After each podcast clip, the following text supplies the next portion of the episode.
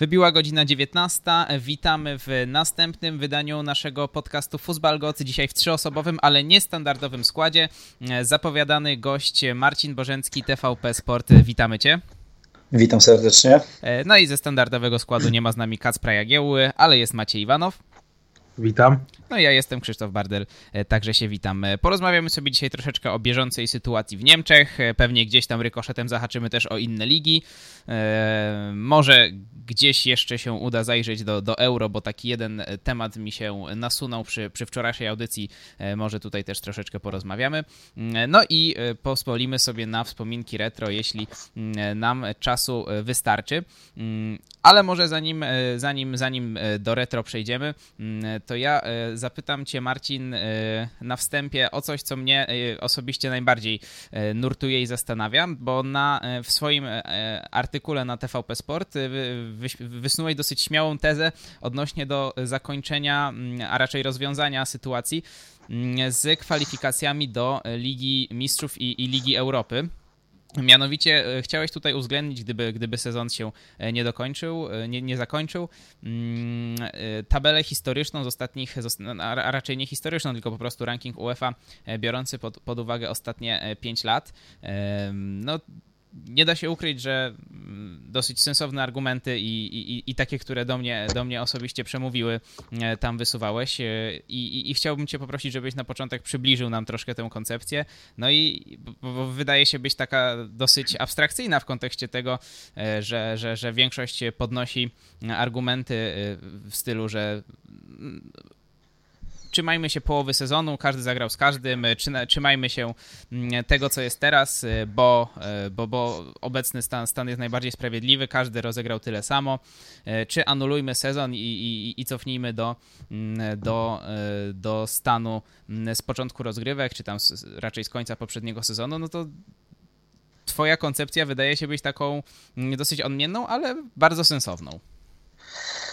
Tak, generalnie jeśli zakładamy już, że ten sezon nie zostanie dokończony, no to właściwie każdy scenariusz będzie, e, będzie miał jakby swoich sprzymierzeńców i wrogów i, i każdy, e, każdy scenariusz doprowadzi do tego, że będą ci, którzy na tym skorzystają i będą pokrzywdzeni, więc moim zdaniem takiego jednego złotego środka nie ma, natomiast uważam, że koncepcja e, z wyłonieniem drużyn, które miałyby grać w europejskich pucharach wskutek analizy rankingu UEFA jest po prostu taka najbardziej sprawiedliwa, ponieważ e, tak jak pisałem, no jeśli przyjmiemy aktualną tabelę, no to na przykład nagrodzimy drużyny, które zagrały 26 spotkań, e, do końca, załóżmy, już trzymając się przykładu Bundesligi, do końca sezonu jest 8 meczów, 8 kolejek, więc, no nie wiem, na upartego można, e, można powiedzieć, że a na przykład Szalkę szykowało formę na sam finish sezonu, chcieli teraz depnąć, docisnąć gazu e, i, i wedrzeć się do Ligi Mistrzów. No możemy tak powiedzieć? No oczywiście, że możemy. Natomiast z drugiej strony możemy też powiedzieć, że mm, sprawiedliwa byłaby tabela z ostatni rozegra rozegrany sezon. No, no ale wtedy, jeżeli będziemy na to patrzeć, no to będziemy uwzględniali mecze, które zostały rozegrane E, jesienią 2018 roku. No, to już brzmi trochę kuriozalnie, bo od tamtego czasu e, minęły, minęły blisko dwa lata, więc no, trudno e, było wybrać pod uwagę wyniki, nie wiem, mm, Szalkę grającego z Tedesco na ławce, trenersko, na ławce trenerskiej i Bentalebem w środku pola, a na przykład drużyn, drużyny w obecnej kształcie, więc to też jest zupełnie bez sensu. No natomiast ten wspomniany ranking UEFA jest o tyle sensowny, że jest to, byłaby to nagroda dla drużyn za E, tak jakby całe ostatnie 5 lat, e, czyli jakąś taką powiedzmy długofalową myśl, wypracowywane coś na przestrzeni e, no, 60 miesięcy, więc możemy to przyjąć za, za w, miarę, w miarę coś sensownego. No oczywiście, tak jak wspominałem, byliby pokrzywdzeni, nie wiem, choćby taka Atalanta Bergamo była fantastycznym fantastyczną atrakcją w Lidze Mistrzów, super się to oglądało e, i żal byłoby taki zespół odtrącać. No natomiast, e, tak jak mówię, no, jakiego scenariusza nie weźmiemy, to, to zawsze ktoś będzie pokrzywdzony. E, no a ten ranking UEFA wydaje mi się, że, że to jest całkiem sensowne. Tak jak przeanalizowałem, to można spokojnie wybrać te 32 drużyny przy założeniu, że z każdej ligi bierzemy takie, takie, tak jak są przepisy, więc z Anglii 4, e, z Niemiec 4, z Włoch 4 i tak dalej. Z tego co pamiętam, to y, tam chyba trzy czy cztery drużyny odpadłyby. E, dwie angielskie, chyba dwie hiszpańskie, bo byłby nadmiar, więc tam ktoś by skoczył z Holandii i tak dalej, więc ta ostateczna jakby lista drużyn, które miałyby w Champions League grać, była bardzo atrakcyjna.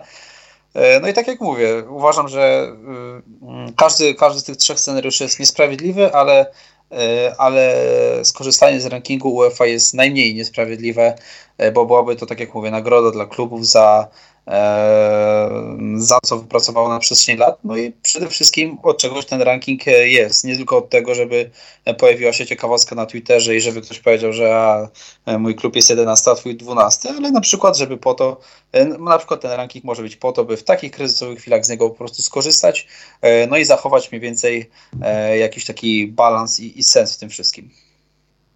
Tutaj w kontekście Niemiec y, kwalifikowałby się Bayern, Borussia, Bayer i Schalke, więc wydaje się, że to są wciąż zespoły, które mniej lub bardziej, no tutaj bardziej w kontekście Schalke to mówię, mm, y, mają cały czas realne szanse na kwalifikację. Nie byłoby to y, niesprawiedliwe, a pozostając w realiach bundesligowych, wydaje mi się, że dla Lipska było, byłoby to dosyć mocno krzywdzące. To no drużyna, no tak, która...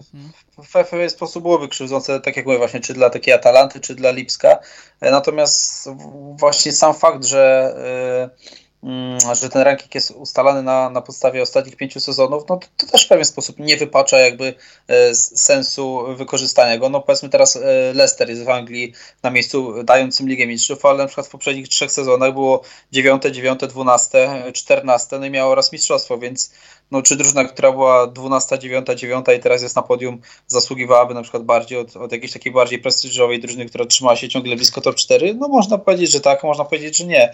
Bo tak jak mówię, uważam, że jest to taki scenariusz e, najmniej e, niesprawiedliwy, jakkolwiek to brzmi e, ze wszystkich. Chociaż tak jak, tak jak sam zauważyłeś, no, no byliby ci, którzy by ucierpieli, no ale, ale bez ofiar się nie obędzie tak człowiek. No, bo tutaj można z kolei w drugą stronę argument wyprowadzić, że taki, takie Leicester na przykład ostatnie trzy lata gdzieś tam e, miało przeciętne, bo przez trzy lata mieli długofalowy plan zbudowania drużyny, która w akurat e, tym sezonie, w sezonie 20-21, 19-20, e, uderzy z pełną siłą i przy, przypuści szturm na Mistrzostwa Anglii.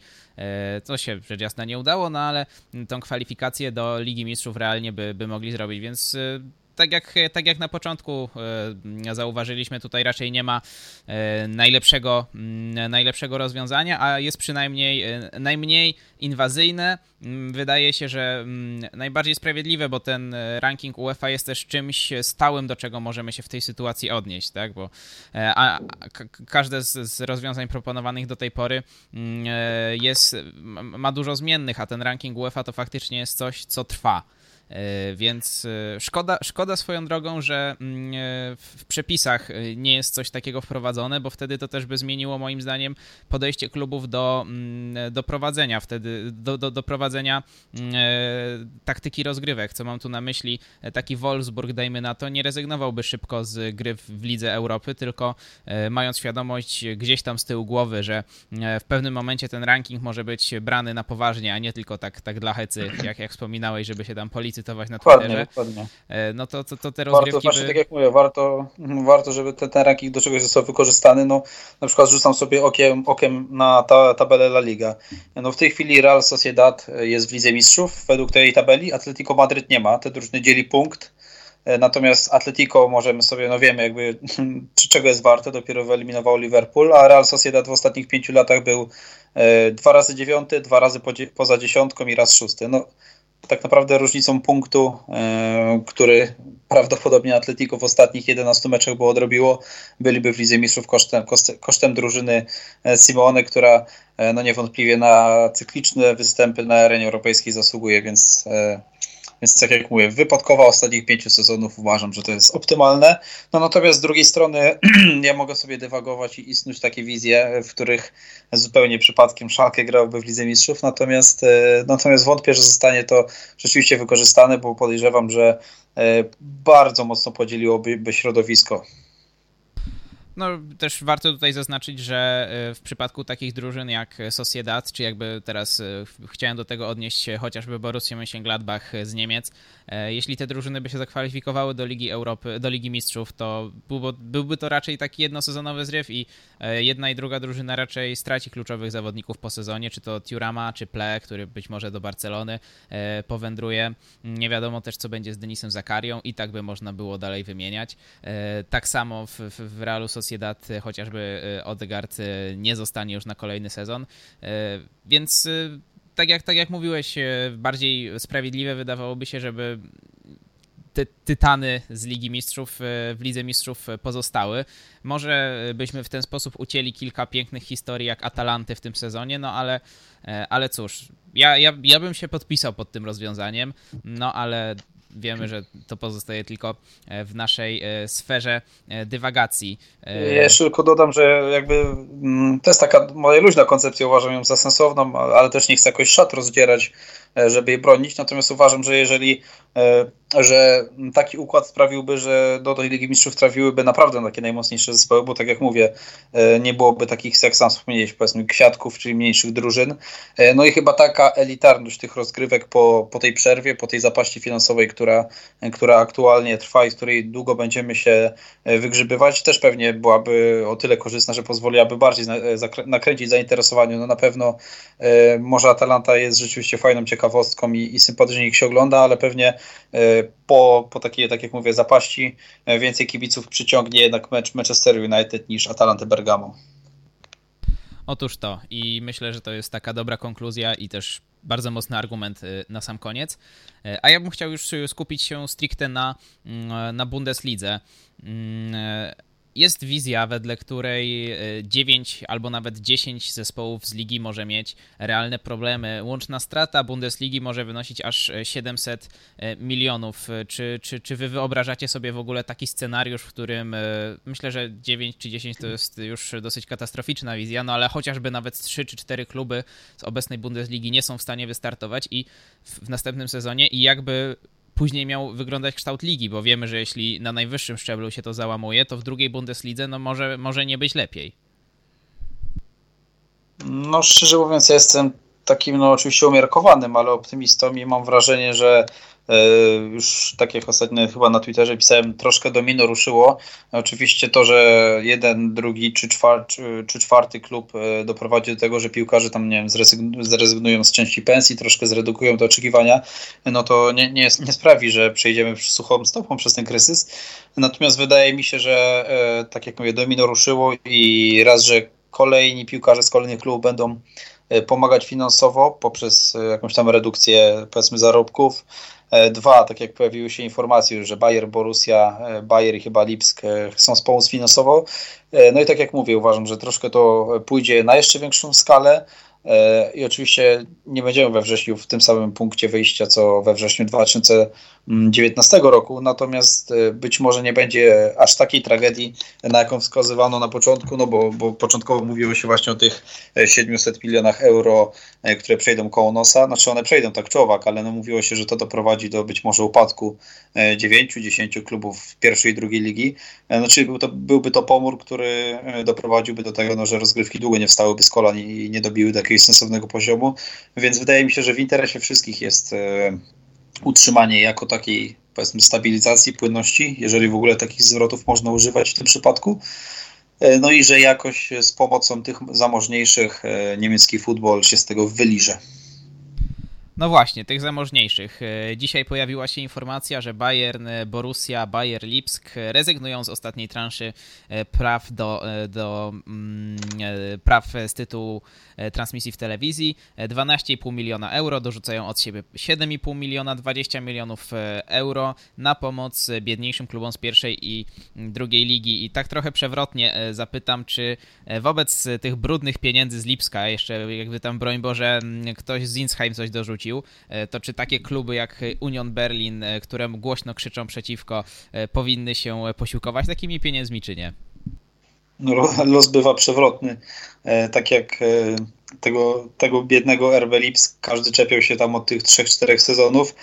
Tak teraz nie dość, że być może będzie trzeba skorzystać z pieniędzy RB Lipsk, E, tak w trakcie sezonu mm, mam wrażenie wykształcił się taki kult, kult RB Lipsk w Bundeslidze i każdy chciał grać jak RB Lipsk, być prowadzonym jak RB Lipsk, więc to rzeczywiście los wywinął niezłego figla i, i sprawił, że z tego nienawidzonego przez całe Niemcy klubu każdy chciałby e, raz, że być jak ten klub, a dwa e, chciałby troszkę od niego uczknąć, natomiast ja bym chciał do tablicy Maćka wwołać i, i posłuchać jego opinii na temat wypowiedzi mm, jego ukochanego właściciela Hanoweru, bo wydają się nadzwyczaj sensowne. E, nadzwyczaj sensowne, a wrócę tylko jeszcze chwilę do tych pieniędzy od Lipska. To pamiętajcie, że pieniądze nie śmierdzą. Otóż to. To jest fundamentalna zasada. E, tak, Martin Kind wypowiedział się e, nadzwyczaj sensownie. Już na Twitterze pojawiły się opinie, że ktoś, że ktoś go podmienił. E, może, za, może zacytuję szybciutko. Jasne. E, Bundesliga żyła w świecie snów. Decyzje podejmowano na bazie wyników sportowych, a ekonomia była drugorzędna. Zadaniem klubów Bundesligi jest również generowanie dochodów i gromadzenie rezerw. Tego nigdy nie robiliśmy. Wiązaliśmy koniec końcem, wierzyliśmy, że jakoś to będzie. Zawsze postrzegam kryzys jako szansę, e, czego możemy się z tego nauczyć, jakie wnioski wyciągniemy na przyszłość i że dzwonienie do rządu z prośbą o pomoc byłoby niewłaściwym podejściem, bo w piłce są miliony, miliony idą na pensje do agentów innych osób i proszenie o pomoc podatnika nie byłoby poważne, że problemy muszą rozwiązać na własną rękę. E, no i tak będzie. No ja, ja nie wierzę absolutnie mm, w te, w te bankructwa. E, te 9-10 drużyn mm, w tych pierwszych dwóch ligach to jest absolutnie przesadzona, e, przesadzona liczba. Tam według mnie tam może ze dwie, trzy drużyny będą miały poważniejsze problemy, bo do gry wejdą, wejdą te bogatsze drużyny. Bayern, Dortmund i tak dalej czyli te drużyny, które przez kryzys przejdą suchą stopą, którym absolutnie nic nie grozi, one doskonale wiedzą, mm, o co się, o, o co, o, coś, o, co się, o co się rozchodzi gra. E, będą ratować te kluby, kluby z tradycją. E, jak trzeba będzie, to pożyczą pieniądze i na, na, na tych 20 milionach się absolutnie nie skończy. E, bo w grę chodzi przyszłość ligi. To tu nie chodzi tylko o dokończenie sezonu i tak dalej, i tak dalej, tu chodzi o przyszłość tej ligi. E, no nie, nie można, nie mogą pozwolić, że na przykład taki Werder Bremma, e, który jeśli sezon będzie przerwany, to, to straci bardzo dużo. Przecież już przy, przy samej możliwości spadku mówiło się, że Werder straci 50 milionów. To ile Werder jeszcze straci, gdyby tego sezonu nie dało się rozegrać do końca? czy gdyby rozegrało się go tylko mm, przy pustych trybunach. E, no to wiadomo, że no, ani liga, ani, ani te kluby nie dopuszczą, żeby takie firmy jak Werder, e, HSV, mm, nawet taka Fortuna Düsseldorf e, upadły. Upadły, musiały zaczynać od czwartej, piątej ligi. Dlatego ja jestem optymistą. Wiadomo, no, E, nie będzie, nie, nie będzie tak, e, tak wesoło, jak było do tej pory. E, ale ten kryzys też może mieć, też może mieć swoje dobre strony, bo przede wszystkim ceny, ceny za piłkarzy spadną w dół. Ceny, które do tej pory były wywindowane już na naprawdę absurdalny, absurdalny poziom. I to pierwsza sprawa, która się zmieni. Druga, powinno się zmienić zarządzanie klubów. E, tak jak powiedział Kind, e, kluby nie myślały o przyszłości. Kluby żyły z dnia na dzień e, i uważały, że jakoś to będzie. I według mnie po czymś takim, co dzieje się teraz, te kluby naprawdę zmienią swoją filozofię, mm, jeśli chodzi o organizację, jeśli chodzi o zarządzanie klubem. I przy, przy następnym takim kryzysie już będzie całkowicie in, inna sytuacja. Już nie będziemy martwić się o bankructwa klubów. No ja się zgadzam w każdym aspekcie. Pamiętajmy, że e, tym drużynom z czołówki Bayernowi, Borussii, Bayerowi, Lipskowi te kluby mniejsze, biedniejsze, czy nawet ta Werder, czy ten Werder, czy Fortuna, czy ktokolwiek inny, one im dostarczają też pieniądze, jakby mecz, mecze z nimi napędzają e, konkurencję i przede wszystkim dostarczają piłkarzy. No, e, Lipsk, Bayer czy Borussia nie zaczną nagle, nagle brać sobie piłkarzy z Anglii czy z Hiszpanii, oni, oni raczej bazują na piłkarzach um, takich powiedzmy z jakiegoś tam pułapu bundesligowego, więc nie może być tak, że nagle pospada pół ligi do czwartej ligi, nie wiem, kogoś się przepnie z drugiej albo z trzeciej, kto, kto się uratuje do pierwszej, no to jakieś absolutna dysproporcja science fiction. E, także no zupełnie tutaj się w 100% z Maćkiem zgadzam i wydaje mi się, że mówię w interesie wszystkich, e, także tych klubów nad przepaścią, ale także tych, które e, finansowo radzą sobie znacznie lepiej jest to, żeby, żeby Bundesliga mniej więcej w takim kształcie się zachowała, a, a, a wszelkie te perturbacje, które teraz, które teraz przeżywają, powinny raczej koniec końców skończyć się pozytywnie i być może właśnie takim i odetchnięciem, jeśli chodzi o, o oceny piłkarzy i o lepsze zarządzanie e, i być może my, my kibice przestaniemy w końcu, będziemy mogli w końcu przestać utyskiwać e, na zepsuty futbol i będziemy się cieszyć jakimś takim, powiedzmy, większą, e, bardziej przyziemną, mm, bardziej przyziemnymi realiami tej piłki nożnej. Ja się tutaj też, e, też pragnę zgodzić. To już kilkukrotnie wybrzmiało w różnych programach, że to może być taki sygnał dla, dla światowego futbolu, że te ceny dochodziły już do, do pewnego abstrakcyjnego sufitu i, i na szczęście e, może się okazać, że ten sufit e, nie zostanie przebity, chociaż mi się wydaje, że prędzej czy później, nawet jeśli teraz dojdzie do pewnego załamania, nie wyobrażam sobie, żeby kiedyś Mbappe tych 250 milionów nie, nie, nie kosztował. E, I, i, i tym e, aspektem, e, ty, ty, tym wątkiem Mbappé chciałem właśnie przejść do klubów, mm, które, których ten kryzys raczej nie dotknie. Takich klubów jak Manchester City, jak PSG, czyli klubów, w których są wielkie pieniądze z zewnątrz i klubów, których w Bundeslidze nie ma. E, czy wam się nie wydaje, że wobec tego Bundesliga może być na nieco straconej pozycji? E, popatrzmy na to chociażby przez ewentualny transfer Sane do Bayernu. Bayern to jest akurat drużyna, która raczej tego mocno nie odczuje, chociaż z samych praw telewizyjnych i przychodów z dnia meczowego oni stracą 50 milionów, e, ale wydaje się, że ostatnie lata oszczędzania pozwolą im suchą stopą przejść przez ten kryzys, ale czy to nie będzie rzutować na chociażby transfer Leroya Sané, bo w tej sytuacji Manchester City, który ma pieniądze z zewnątrz i, i te pieniądze raczej nie zostaną, kurek nie zostanie zakręcony mm, pomimo kryzysu, bo to mimo wszystko te, te, te pet, słynne petrodolary troszkę w innej rzeczywistości się obracają niż e, generalnie pieniądze piłkarskie. E, czy nawet tak prozaiczna rzecz nie wpłynie na, na transfer e, z Sanego? I, i, I, nie chcę, żebyśmy się skupiali tylko na transferze Sané, tylko żeby to był taki symbol tego, co się może stać z potencjałem Bundesligi względem innych lig, gdzie jest dużo więcej pieniędzy, także pieniędzy z zewnątrz. No, szczerze mówiąc, odpowiedź na to pytanie jest ciężka, ale y, warto spojrzeć na to, że y, jakby w Anglii, w Hiszpanii obraca się większymi kwotami, a właściwie obracało, e, a wskutek tego, że w Niemczech te pieniądze powiedzmy były nieco mniejsze, to i straty będą mniejsze. E, no trzeba by wejść w jakieś takie głębokie analizy i przeanalizować jak procentowo powiedzmy, jako, jaką część procentową budżetu te straty będą stanowiły. Natomiast tak jak mówię, jako że obraca się mniejszymi pieniędzmi, to, to i te straty będą proporcjonalnie mniejsze. No wpłynie to na pewno na rynek transferowy. Ja generalnie wyłączam sobie, jeżeli widzę jakiekolwiek spekulacje transferowe teraz, czy, czy na Twitterze, czy, czy w Billy, czy gdziekolwiek, to, to nawet zupełnie tego nie czytam, bo uważam, że e, nie ma to sensu, póki nie wiemy nawet kiedy piłkarze wrócą na boisko i czy w tym sezonie wrócą, więc te wszystkie dywagacje na temat, nie wiem, tego, czy Zany przejdzie, czy się wymieni za Labą, e, czy Havertz odejdzie, czy Havertz zostanie, uważam, jest to zupełnie bezsensowne, bo, bo rynek prawdopodobnie zostanie wywrócony do tego stopnia, że go nie poznamy i jakby pewne zasady i pewne, e, pewne prawidła na tym rynku będą się kształtowały od nowa, więc jakiekolwiek spekulacje transferowe nie mają sensu. No też trzeba spojrzeć na to, że y, można powiedzieć, ok, nie będzie Bayernu stać na transfer za 120 milionów, no ale prawdopodobnie na, y, na tym nowym rynku y, też Sane nie będzie kosztował 120 milionów, tylko może proporcjonalnie mniej. Także no, generalnie reasumując, chyba nie jesteśmy w stanie w ogóle tego przewidzieć, no ale mówię, liczę też na to, że że, że z uwagi na to, że w Niemczech tymi pieniędzmi troszkę obracało się mniejszymi niż, niż w Anglii czy Hiszpanii, to, to i straty będą mniejsze. Chyba pamiętam, że czytałem, że e, pierwsza i bunde, druga Bundesliga łącznie stracą 700 milionów euro, a w Hiszpanii sama La Liga straci 700 milionów euro, więc jakby to też już w pewien sposób e, uwypukla skalę, e, skalę różnicę tego.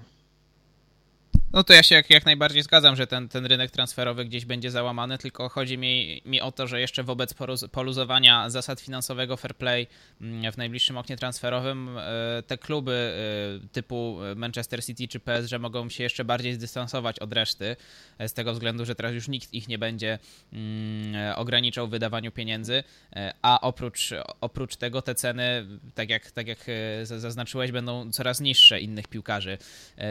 I, i, i, tak, i nie, ponieważ też pamiętajmy, że e, no, oczywiście to wszystko jest takie troszkę wróżenie z fusów, ale, ale jeżeli e, spojrzeć z drugiej strony, no to załóżmy, że Mm, Okej, okay. Wró wróciła liga, jest okienko transferowe, e, jest kilka bogatych klubów. Manchester City, PSG, parę się utrzymało na topie, reszta e, no, zbiedniała, troszkę te portfele opustoszały. No i teraz mamy świadomość, że, że jest pięć tych klubów bogatych i oni chcą kupować piłkarzy. No jestem przekonany, że e, sprytni ludzie siedzący w tych klubach biedniejszych, biznesmeni z łbem na karku, będą krzyczeli sobie horrendalne na przykład ceny, no bo dlaczego ma im Manchester City nie zapłacić 150 milionów? Co, co z tego, że teraz ceny piłkarzy powiedzmy pójdą o połowę w dół, skoro nie wiedzą, że City czy PSG mają pieniądze, e, więc wydaje mi się, że w miarę się to jakoś wyreguluje i nie będzie takiej przepaści, e, która będzie polegała właśnie na tym, że zwiększy się dystans między tymi absolutnie najzamożniejszymi, wspieranymi katarskimi budżetami e, klubami, a tymi troszkę powiedzmy biedniejszymi, typu nawet Bayern Monachium, ale, ale zdrowiej żyjącymi. To jeszcze pozostając w tym temacie, to też będzie dalej wróżenie z fusów e, i już tak stricte odnosząc się do klubów Bundesligi.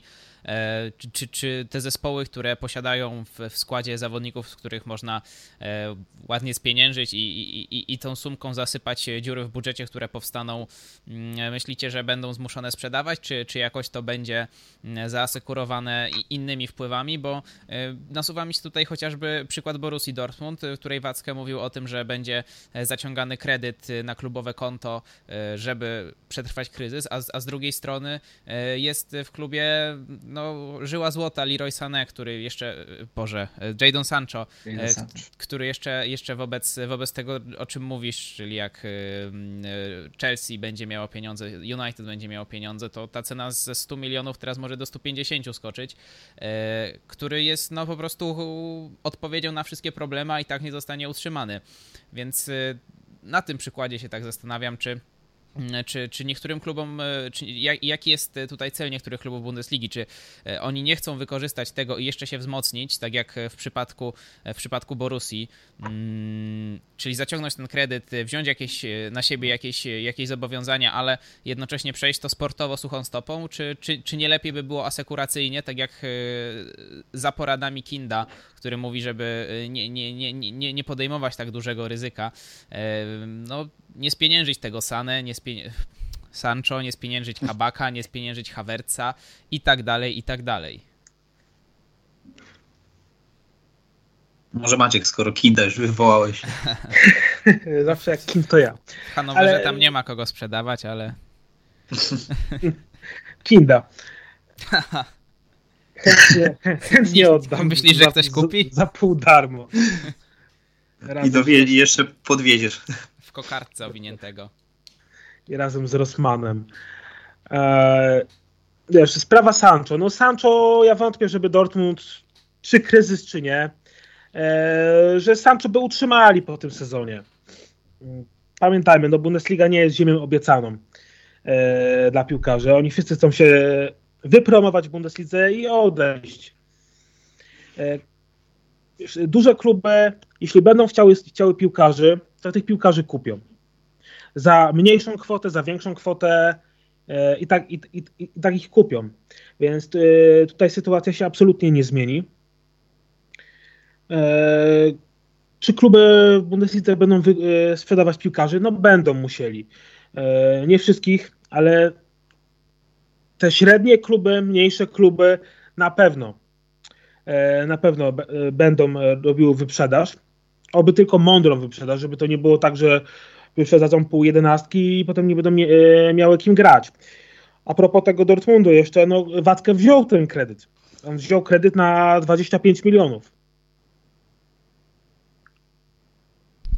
No więc właśnie, no to, nie, nie, są jakieś olbrzymie pieniądze w kontekście tego, za ile mogą niektórych zawodników sprzedać, no ale wciąż e, mimo wszystko gdzieś tam te koszty muszą być cały czas kalkulowane i, i, i z tego może wynikać, że, że Jadon Sancho pieniądze z Jadona Sancho już są gdzieś tam wkalkulowane w przyszły budżet, a, a kredyt y, jest na dziurę, która się dopiero ma w nim pojawić w wyniku kryzysu. No ale to tak jak, jak już mówiliśmy, to jest y, wszystko e, wróżenie z fusów. Ale teraz już jeszcze pozostając, Marcin, mówiłeś, że nie chcesz się odnosić do różnych spekulacji transferowych w tym momencie, e, ale ja cię mimo wszystko zapytam, bo patrzę sobie na zestawienie Bilda, która drużyna ile traci i Szalkę, jeśli ten sezon, sezon nie zostanie dograny do końca, z praw telewizyjnych traci 26 milionów. Czy wiesz, dlaczego akurat tą kwotę przywołuje? Tak, wiem, wiem dlaczego przywołujesz tę kwotę, bo ta kwota jest równowartością potencjalnego pewnie transferu Jean-Clara Todibo. Tak jest. E, natomiast myślałem o tym oczywiście e, i tak jak chyba to, to potencjalne pozyskanie Todibo byłbym w stanie e, przetrawić, bo w ostatnim chociażby meczu zadebiutował zawodnik, który myślę, że e, mógłby na przykład zostać wprowadzany do zespołu wskutek tego ekonomicznego kryzysu.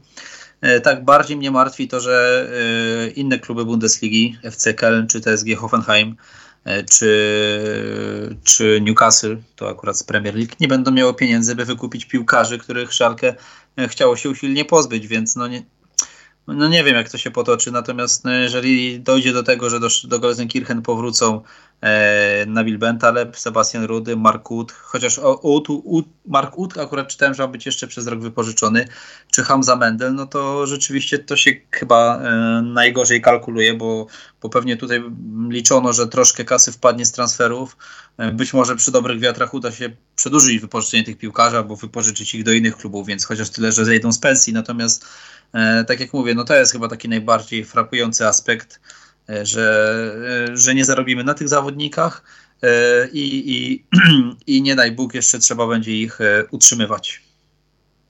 No akurat w kontekście Rudego tam pamiętam, że jest dosyć niska klauzula wykupu, więc... 6 jego, milionów no chyba, no. właśnie, no. więc jego może się uda pozbyć, ale, ale reszta może. to faktycznie... Tak, Trudno tak powiedzieć, czy to 6 milionów to jest teraz mało, czy dużo, znaczy czy będzie mało, czy dużo.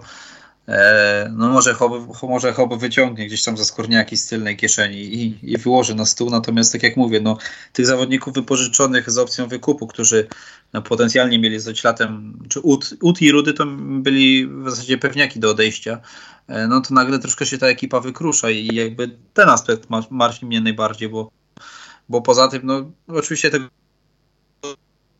Debo no, byłby to duży zakup i, już zdążył udowodnić, e, że, że warto było w niego zainwestować, ale wydaje mi się, że tu jeszcze bylibyśmy w stanie przeżyć, bo, e, bo, bo jest, jest Kabak, jest Nastazić, e, Sane, jest Malik Tiaf, jest, no, być może przed, zostanie Stambuli, może nie, teraz nie wiemy. Natomiast tak jak mówię, no, ten Todibo jeszcze mnie tak bardzo nie martwi, jak martwi mnie powrót do klubu tej całej rzeszy wypożyczonych outsiderów. No właśnie, yy, wspomniałeś o tym, że nie, nie, nie wiadoma jest sytuacja Stambuliego. To warto też powiedzieć, że w tej sytuacji Jochen Schneider, yy, dyrektor yy, wykonawczy czy też dyrektor pionu sportowego w Szalkę, zwał jak zwał, mm, e, powiedział, że na ten moment są zawieszane wszelkie rozmowy kontraktowe, wszelkie rozmowy transferowe i wydaje mi się, że to jest bardzo rozsądne e, rozwiązanie, bo może się już niebawem okazać, że mm, to, co zawie...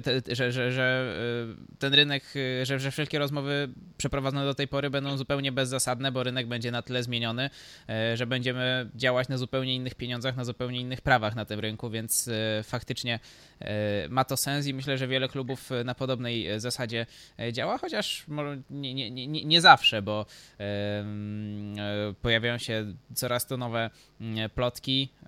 Jeszcze sobie pozwolę jedną, jedną taką tutaj przy, przyciągnąć i, i to będzie koniec, bo jestem ciekawy waszego zdania na temat zawodnika, którego ja zbyt dużym fanem nie jestem i, i, i też zawodnika wzbudzającego pewne kontrowersje w, w społeczności niemieckich fanów, mianowicie Mario Gecego. Mm, e, zawodnikiem e, od początku jest zainteresowana e, Herta, od początku tej rundy. Mm, no i dzisiaj pojawił, czy tam wczoraj pojawił się też temat Bayeru, Bayeru Leverkusen. A ja przepraszam, że przerwę, ale nie wiem, czy wczoraj się pojawił, ale nie wiem, czy już dzisiaj nie został zdementowany. Tak, bo ja dziś, dzisiaj dopiero tak, się do builda mi... dorwałem. Tak, mi coś mignęło na Twitterze. Nie wiem, może Maciek widział, ale wydaje mi się, że. Zdementował, e, zdementował. Tak, ba, sam Bayer zdementował chyba, że jest nim zainteresowany. A, no to, to w takim razie szybko Problem z głową. plotka, którą chciałem, e, chciałem tutaj wyciągnąć, została ucięta. E, okej, okay, e, w takim razie mm, ja mnie frapowała jeszcze jedna kwestia, którą chciałem też tutaj omówić, bo mówiliśmy o ewentualnym sposobie kwalifikacji. Wiesz, o Gece, o Gece powiedział ostatnio Lothar Mateusz, że Gece już nie weźmie żaden czołowy klub z Niemiec. Jemu zostało już tylko albo Stany Zjednoczone, albo kraje arabskie. To, no, to, no i mnie to wcale nie zdziwi. Trudno się nie zgodzić e, i, i, i tak jak już kiedyś tutaj w programie mówiliśmy, nie jest to też żadna kontrowersyjna teza. Dla niego Herta byłaby spad, upadkiem na cztery łapy, bo to jest jedyny klub, w którym e, zostanie w, w, w Niemczech na godziwym kontrakcie. Więc e, tak jest. byłaby dla niego dobra opcja, ale raczej nie w, nie w tę stronę powinna Herta iść. Bo nie wiem, jak bardzo niepoprawnym optymistą trzeba by było być, żeby wierzyć w odrodzenie Gecego. E, no, ale, e, ale, ale do czego ja chciałem zmierzać? Omówiliśmy już e, ewentualny kształt kwalifikacji do Ligi Mistrzów Ligi Europy, a mm, pojawił się jeszcze pomysł zakończenia sezonu, dosyć tożsamy z pomysłem włodarzy Rakowa Częstochowa.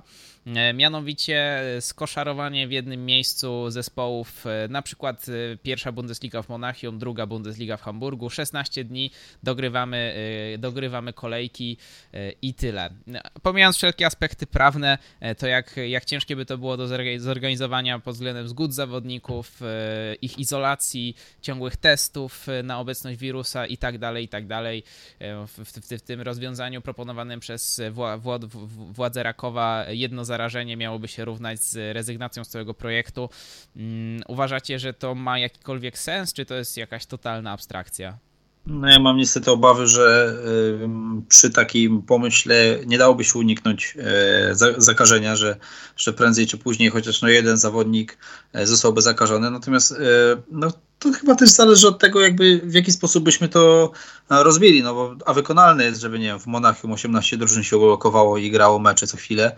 Natomiast nie wiem, gdyby to rozbić na cztery ośrodki po cztery drużyny, na sześć ośrodków po trzy drużyny. No, wydaje mi się, że w ostateczności, jeśli determinacja na, by zakończyć sezon jest na tyle wielka, e, chyba no, byłoby to jakoś do zrealizowania. Natomiast tak jak mówię, no, mam obawy, że, e, że jednak e, jedno zakażenie gdzieś by wyszło, e, wtedy już kwarantanna całej drużyny, jest liga znowu położona, więc e, więc jeśli miałbym szacować, czy taki scenariusz by, jeżeli by doszło do skutku, jeżeli gdzieś byśmy skoszarowali te drużyny, niech one grają, E, czy by w ten sposób udało się zakończyć sezon? No moim zdaniem nie i szanse są iluzoryczne. E, natomiast to jest to na pewno ciekawa jakaś koncepcja. E, I tak jak mówię, też chyba dużo zależy od, od organizacji. No, w Niemczech generalnie takich ośrodków jest, zakładam, piłkarskich dużo. To znaczy, piłkarskich jest dużo, wiem, że jest dużo, natomiast nie wiem na ile jest takich... Logistycznie to by nie było problemu. No właśnie. Powiedzmy Monachium, no to zaraz obok masz Ingolstadt, masz tak Norymbergę. Stuttgart niedaleko, powiedzmy. No. E, jest... Hamburg, no to, to, zaraz masz e, Bremę, masz Hanower, nie? Braunschweig, tak. Wolfsburg. No Zagłębie Rury też kilka ośrodków i, i można skorzystać, nie wiem, jest Gelsenkirchen, Dortmund, Bochum, Düsseldorf, Leverkusen, no można tak wymienić. Zagłębia Rury to bym się trzymał z daleka. No właśnie, sam, chciałem tak, mówić, tak, że tam Niemcy drogą. zachodnie, Zagłębie Rury to teraz e, to by było bardzo atrakcyjne, no ale wysłać tam no zawodników. No, chyba, że, chyba, że wszystkie 18 zespołów wysłać na Białoruś, nie? Tak, no, tak. Tam, tam gra, gra, tam nie ma problemu. Także no nie wiem, być może logistycznie jakoś by się dodało zorganizować, ale, ale mimo wszystko e, no nie wróżyłbym sukcesu, jeżeli by do tego doszło. Nawet pal licho te zarażenia wirusem, znaczy pal licho, no to ja mówię tak w cudzysłowie, ale przy takim natężeniu, e, że co dwa, co dwa dni mecz, no to tych kontuzji tam by było strasznie dużo.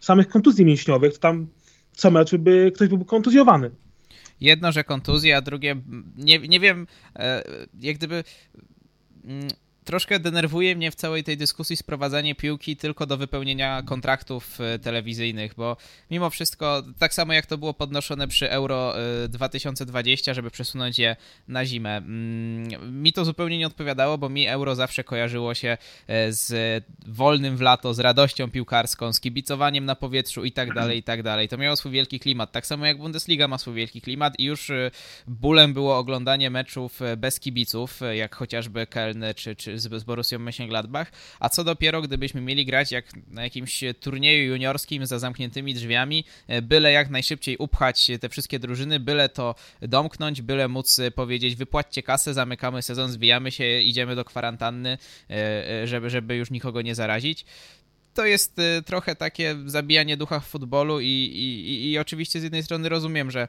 że pieniądze i tak dalej, i tak dalej, ale nie, nie oglądałoby się tego moim zdaniem przyjemnie.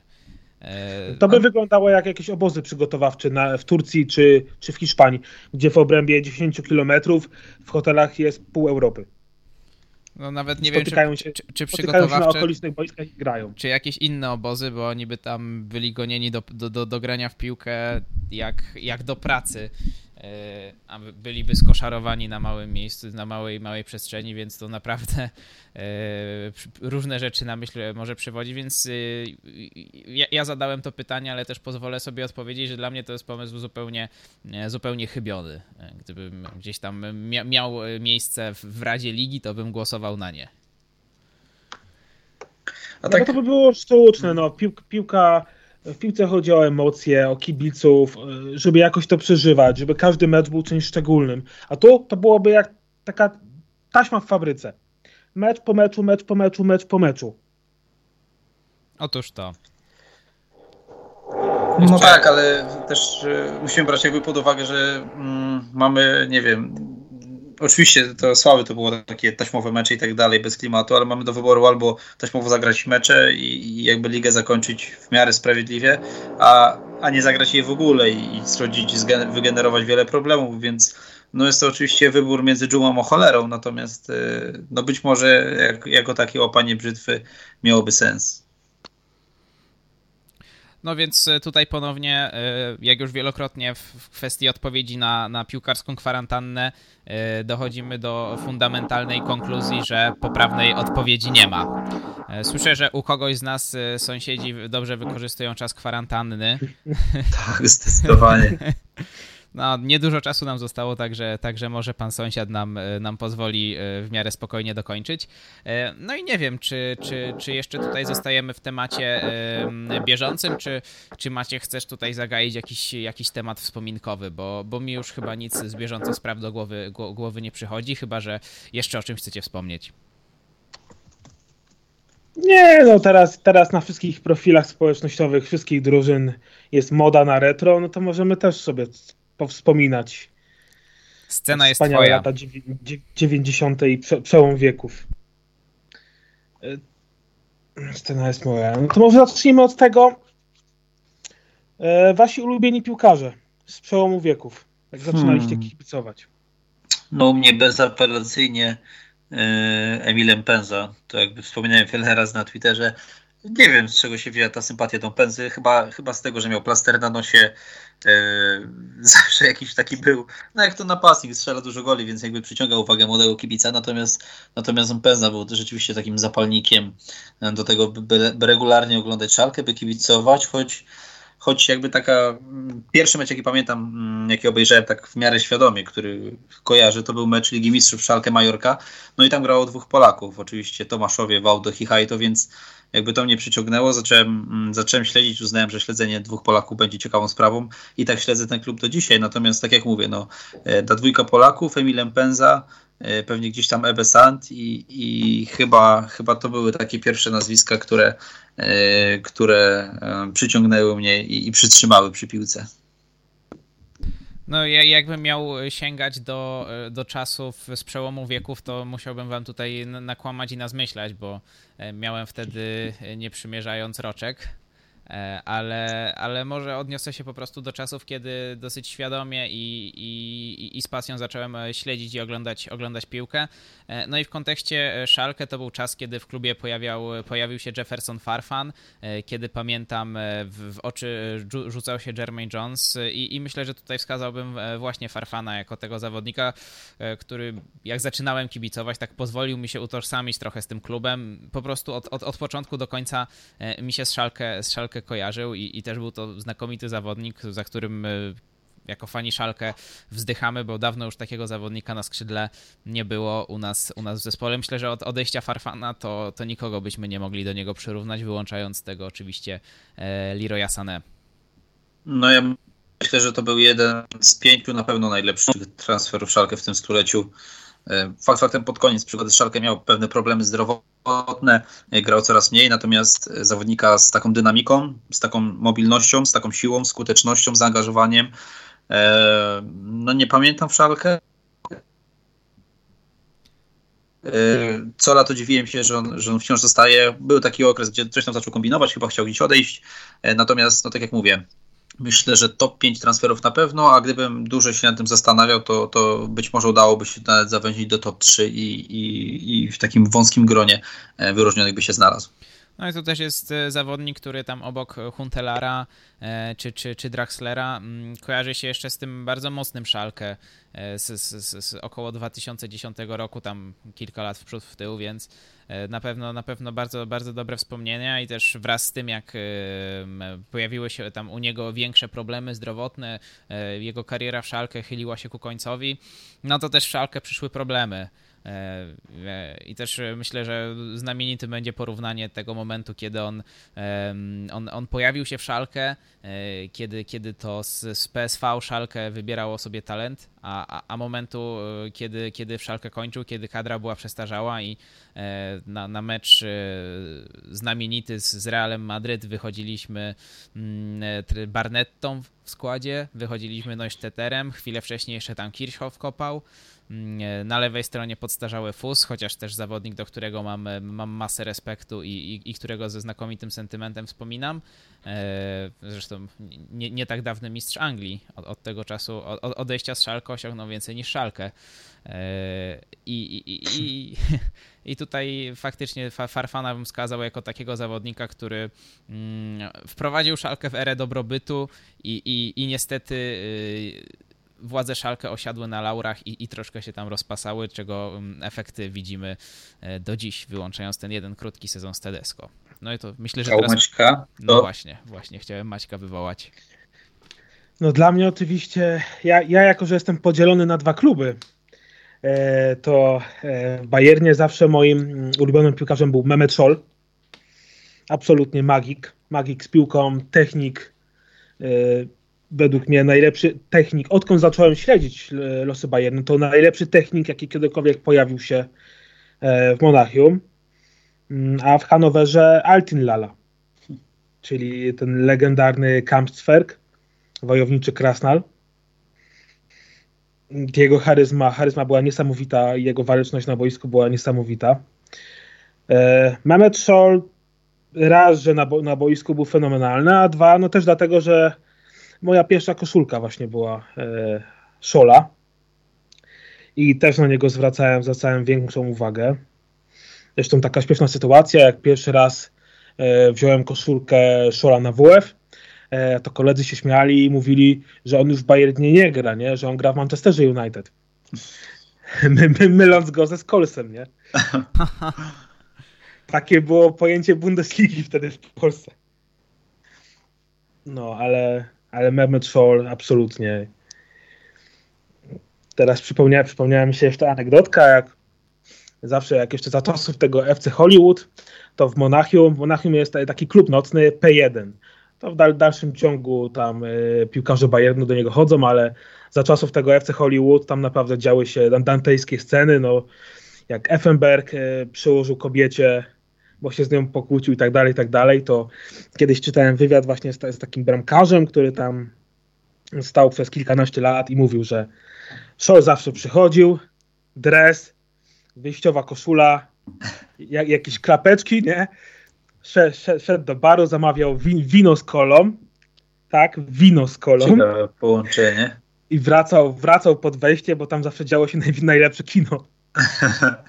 Jego w ogóle nie interesował parkiet, ani tam e, loże VIP-owskie, tylko, tylko wejście do tego klubu. No, ale to ktoś mi właśnie też mnie zaskoczyło to połączenie wina z, z kolą, ale ktoś mi ostatnio opowiadał, że w, w którymś kraju, już nie jestem w stanie sobie przypomnieć którym, to jest bardzo popularne i, i, i regularnie się to pija, więc może nie jest to takie, takie, ta, takie to, to tak abstrakcyjne. piwo z sokiem, nie?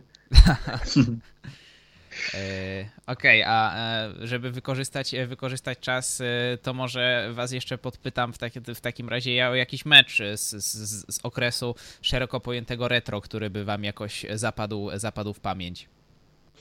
No mnie na pewno zapadł, tak jak mówiłem, jakby przygodę z kibicowaniem i piłkę i szarkę zacząłem od meczu Ligi Mistrzów, natomiast mam taki przebłysk, jak e, oglądam e, mecz Szalkę Bayern z 2002 roku na arenę w Szalkę, już świeżo wybudowanym i tam Szalkę wygrało 5-1 i pamiętam, że no, szczękę zbierając wtedy, wtedy z podłogi. Dopiero po czasie się okazało, że w hierarchii ligowej te drużyny są raczej zamienione miejscami, że nie wygląda to tak na co dzień. Natomiast tamten mecz bardzo dobrze mi zapadł w pamięć, jest dosyć obszerny, bodajże 10-minutowy skrót, skrót na, na YouTubie.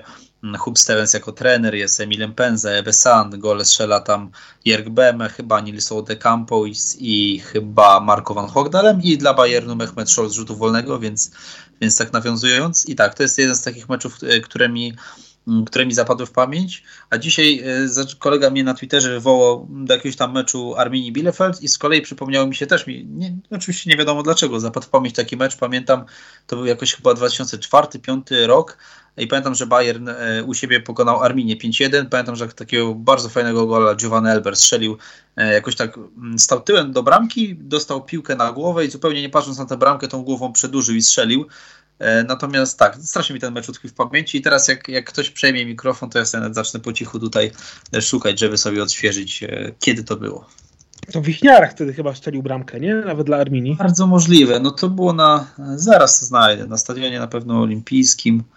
E, I mówię, ten, ten Elber mi tak utkwił w głowie, natomiast e, natomiast no zaraz wy tutaj możecie wspominać, a ja sobie spróbuję namierzyć to spotkanie. No to No dla mnie, dla mnie, dla mnie bezapelacyjnie numerem jeden jest mecz e, Hamburga z Bayernem. E, prawda? To 1-1. No tak. Meister der Herzen. Miałem tą okazję, ja byłem wtedy w Niemczech, oglądałem to w telewizji no to poniekąd zazdroszczę, bo, no bo widziałeś historyczne rzeczy na żywo, natomiast oczywiście z perspektywy kibica Szalkę nie zazdroszczę, no ale mogę sobie tylko wyobrazić, jak, jakby, jak, jak wyglądał odbiór tego meczu, kiedy się go na żywo oglądało. Wiesz, no ja, ja wtedy byłem tak naprawdę na początku mojego kibicowania. Ja, ja nie zdawałem sobie sprawy, jak historyczne dzieją się rzeczy tak naprawdę, bo to był ale no ja ten mecz oglądałem z kuzynem i po prostu jego reakcje o, to było, to było coś niesamowitego. To było coś niesamowitego. No. dopiero po czasie e, człowiek, człowiek sobie zdał sprawę, co tak naprawdę się wtedy stało.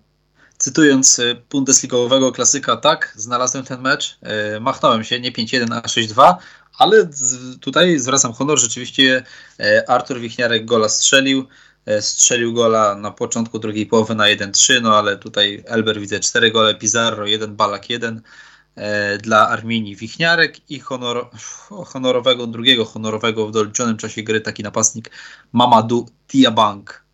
E, natomiast o, tak teraz patrzę na ten skład Arminii, przypominam sobie Fatmir Wata, taki ze strasznie przerzedzonymi włosami, środkowy albański pomocnik, e, Matias Hajf w bramce, to legendarny tam bramkarz, Rudiger Kauf, e, Christoph Dabrowski, no to, to Maciek pewnie dobrze kojarzy, Brinkman, parę, parę fajnych nazwisk, Marcimiliano Porcello na ławce, więc taka, taka fajna Arminia. Troszkę tych piłkarzy się potem e, w pierwszej Bundeslidze e, odnalazło i Maciej Murawski na stoperze jeszcze. Armia zawsze miała taki fajny klimat, to był zawsze taki fajny zespół. Tak, tak.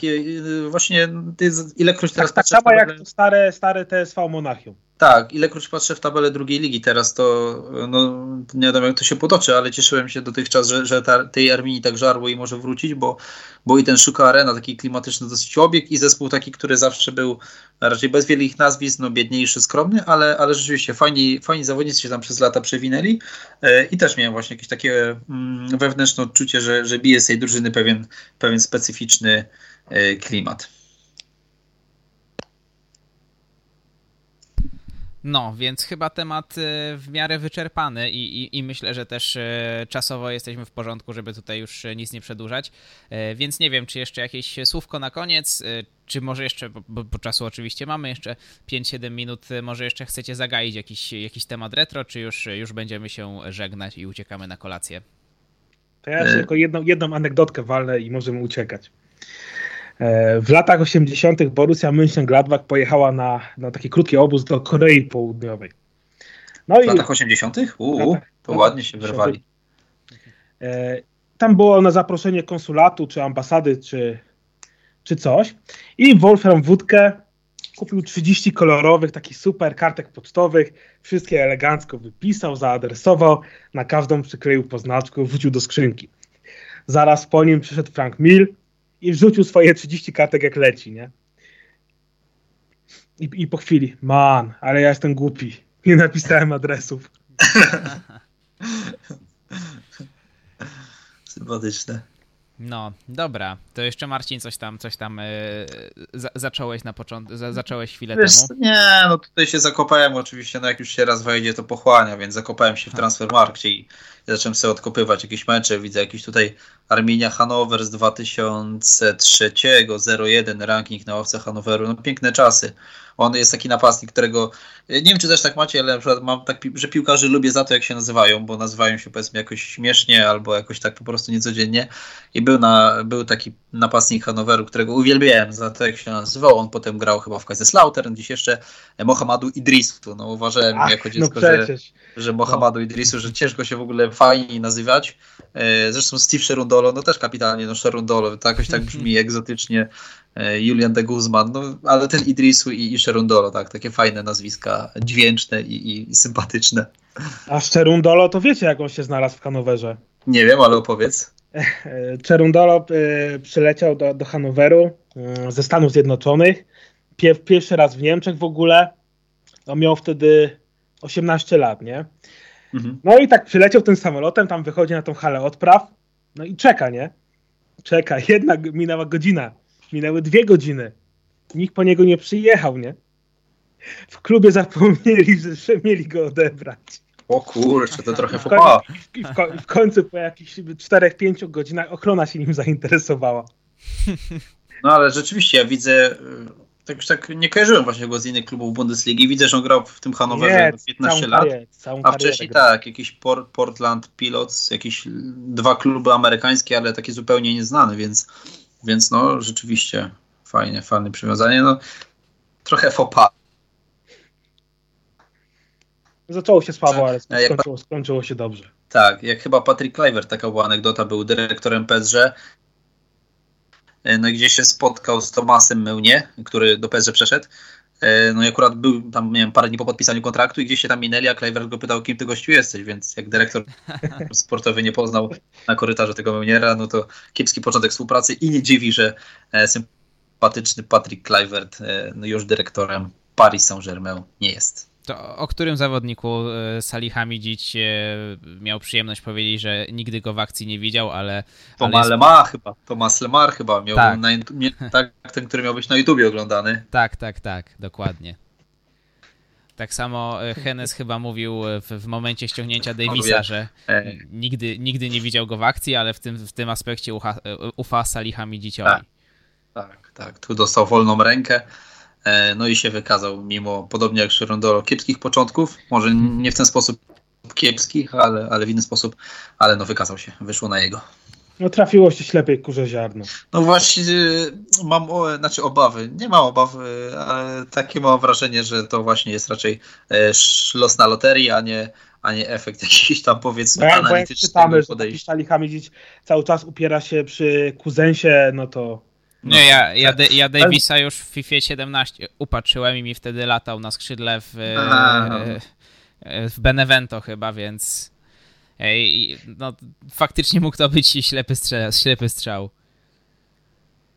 No ale czy, trzeba... Dotychczasowa praca powiedzmy na to wskazuje. Tak, ale trzeba oddać, że może i Salihamidzic i Kowacz dużo dobrego nie zrobili, ale jakiego lewego obrońcę wykuli Bayernowi, to trzeba im oddać. No to prawda, jeżeli coś zostało po Kowaczu, co będą kibice Bayernu z sentymentem wspominać, to, to Alfonso Davis przedstawiony na lewą obronę, David Alaba do środka obrony, e, nie wiem, może eksperyment z Tiago na szóstce, który miał fajne momenty, e, znaczy dość często grał na tej szóstce, ale, ale generalnie ta lista jest dosyć krótka. I eksplozja formy Lewandowskiego. I eksplozja formy Lewandowskiego, ale jakby to już nie wiem, czy jesteśmy w stanie to kiedykolwiek rozłożyć na czynniki pierwsze, czy jest to zasługa sympatycznego Chorwata, czy, czy po prostu zbieg. Czy Jerzego Brzęczka. Czy Jerzego Brzęczka, czy tego, że, e, że nie wiem, że Lewandowski zmienił dietę albo cokolwiek innego. E, no dobrze, i tak e, dobiliśmy e, szczęśliwie do końca, zapełniając cały przeznaczony nam czas, także teraz się żegnamy, a ja zapraszam do pozostania na kanale pierwszym, gdzie będzie krótka przerwa muzyczna, a następnie audycja z cyklu Poznaj Nas, gdzie Maciej Piotrowski rozmawiać będzie z redaktorem naszego radia Michałem Salamuchą. Ja Ci Marcinie bardzo dziękuję za to, że dzisiaj do nas wpadłeś i nie, mówię, nie mówię do widzenia, mówię do usłyszenia mam nadzieję. E, no Dziękuję i... i warto docenić tylko jeszcze sąsiada, który przestał wiercić dosyć tak. szybko. Właśnie liczyłem, że nam da dokończyć i dał. E, także e, dzięki jeszcze raz i, i do usłyszenia. Pozdrawiam.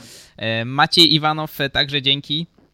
Dzięki, do usłyszenia. No i ja się żegnam, Krzysztof Bardel, do usłyszenia mam nadzieję za tydzień.